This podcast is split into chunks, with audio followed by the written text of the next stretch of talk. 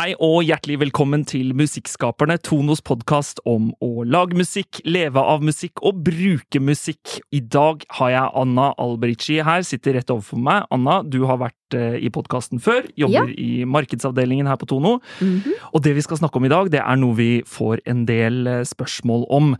For de aller fleste av oss har nok vært ute på et arrangement, på byen, på en lanseringsfest, på et hotell, og eh, sett en DJ.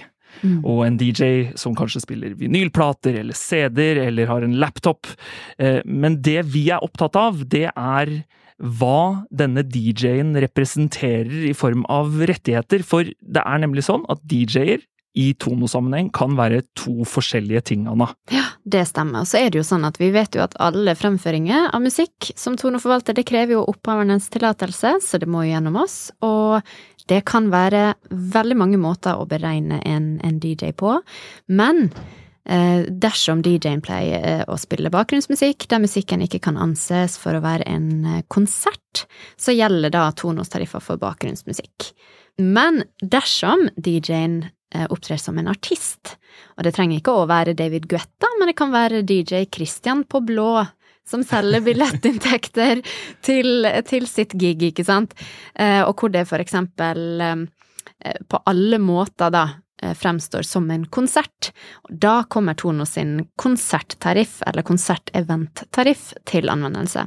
Og da må det søkes om Tono-tillatelse i forkant av arrangementet på lik linje som med, med konserter. Ja. Ordinære konserter. Ja. Ja, de, altså DJ kan jo fungere som en artist helt alene. Spille musikk, Mm. stå på en scene. altså Tenk på Kygo, tenk på Matoma, Mm. eh, to av våre egne her i Norge, eh, som står på en scene foran titusenvis av mennesker og, Mm. og, og opptrer som en artist. Og det er jo helt klart at det, det da er en konsert. Men så Mm. har du i den andre enden av skalaen, det kan jo være så, altså noe så enkelt som et, et, et minglearrangement på, en, eh, på et galleri eller en Mm. skobutikk som har en Mm. lanseringsfest, og har en DJ som spiller eh, plater, eller altså spiller Ja, musikk, eh, hvor det egentlig bare er eh, en, et menneske som styrer bakgrunnsmusikken. Ja. Men hvordan er det vi, vi lisensierer dette, da? For, altså, hvis vi tar, hvis vi tar bakgrunnsmusikk-DJ-en først, da. Hvordan Mm. fungerer det?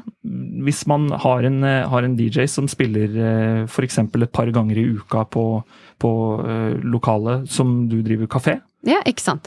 Så da må den her kafeen, da, de må melde inn til oss antall sitteplasser og antall dager i året de pleier å ha den DJ-en her på, på besøk, som spiller litt bakgrunnsmusikk. Så vil vi da opprette en avtale med, med vår egen DJ-tariff. Så de følger da en dagstariff. Eh, som da vil eh, akkumulert sett gi et vederlag per år som vi da fakturerer ut til denne eh, kafeen, da. Men det er en slags bakgrunnsmusikkavtale? Ja. Altså en variant av bakgrunnsmusikkavtalen med litt andre vilkår enn en ordinær fastavtale, som vi kaller det? Ja, så altså, vi vil jo kategorisere det som en bakgrunnsmusikkavtale. Eh, kanskje du kan si fremtredende musikk, da. Eh, for en DJ spiller jo kanskje litt høyere enn det en høyttaler gjør, eh, men samtidig trenger ikke det å være tilfellet heller. Vi, vi anser det da som ja, bakgrunnsmusikken, rett og slett. Mm. Og så er vi over på, på det andre tilfellet, da. Altså Mm. konserten. Og det, som du sa, det trenger ikke å være David Guetta på Findings eh, eller Tiesto. Det, det kan også være eh, noen som, som er DJ, som har et, på en måte en artistpersona, et artistnavn, Mm. og som blir eh, promotert for å skulle spille, og så selges det billetter. Ja. Hvordan lisensierer dere det da? Så altså, den DJ-en her, han har, eller hun, for den saks skyld, har eh, mest sannsynlig sitt eget, eget repertoar også. Eh, og, og da er det kjempeviktig at, eh, at vi får inn rapporter om det her, sånn at vi kan avregne riktig.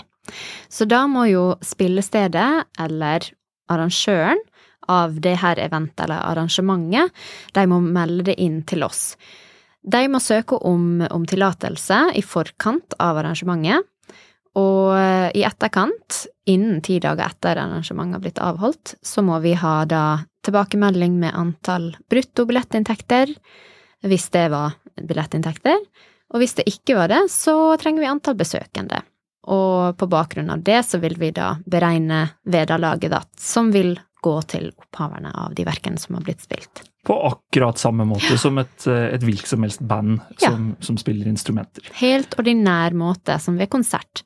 En kort og poengtert episode av Musikkskaperne denne uka, men det er fordi dette er et eh, tema som har vært veldig aktuelt i det siste. Vi vet jo at det kommer til å være mange arrangementer denne til nå veldig varme sommeren, og vi får håpe det fortsetter, som kommer til å bruke DJ-er. Så da har dere en liten ressurs her, og så er det bare å ta kontakt med markedsavdelingen hvis eh, dere har noen spørsmål.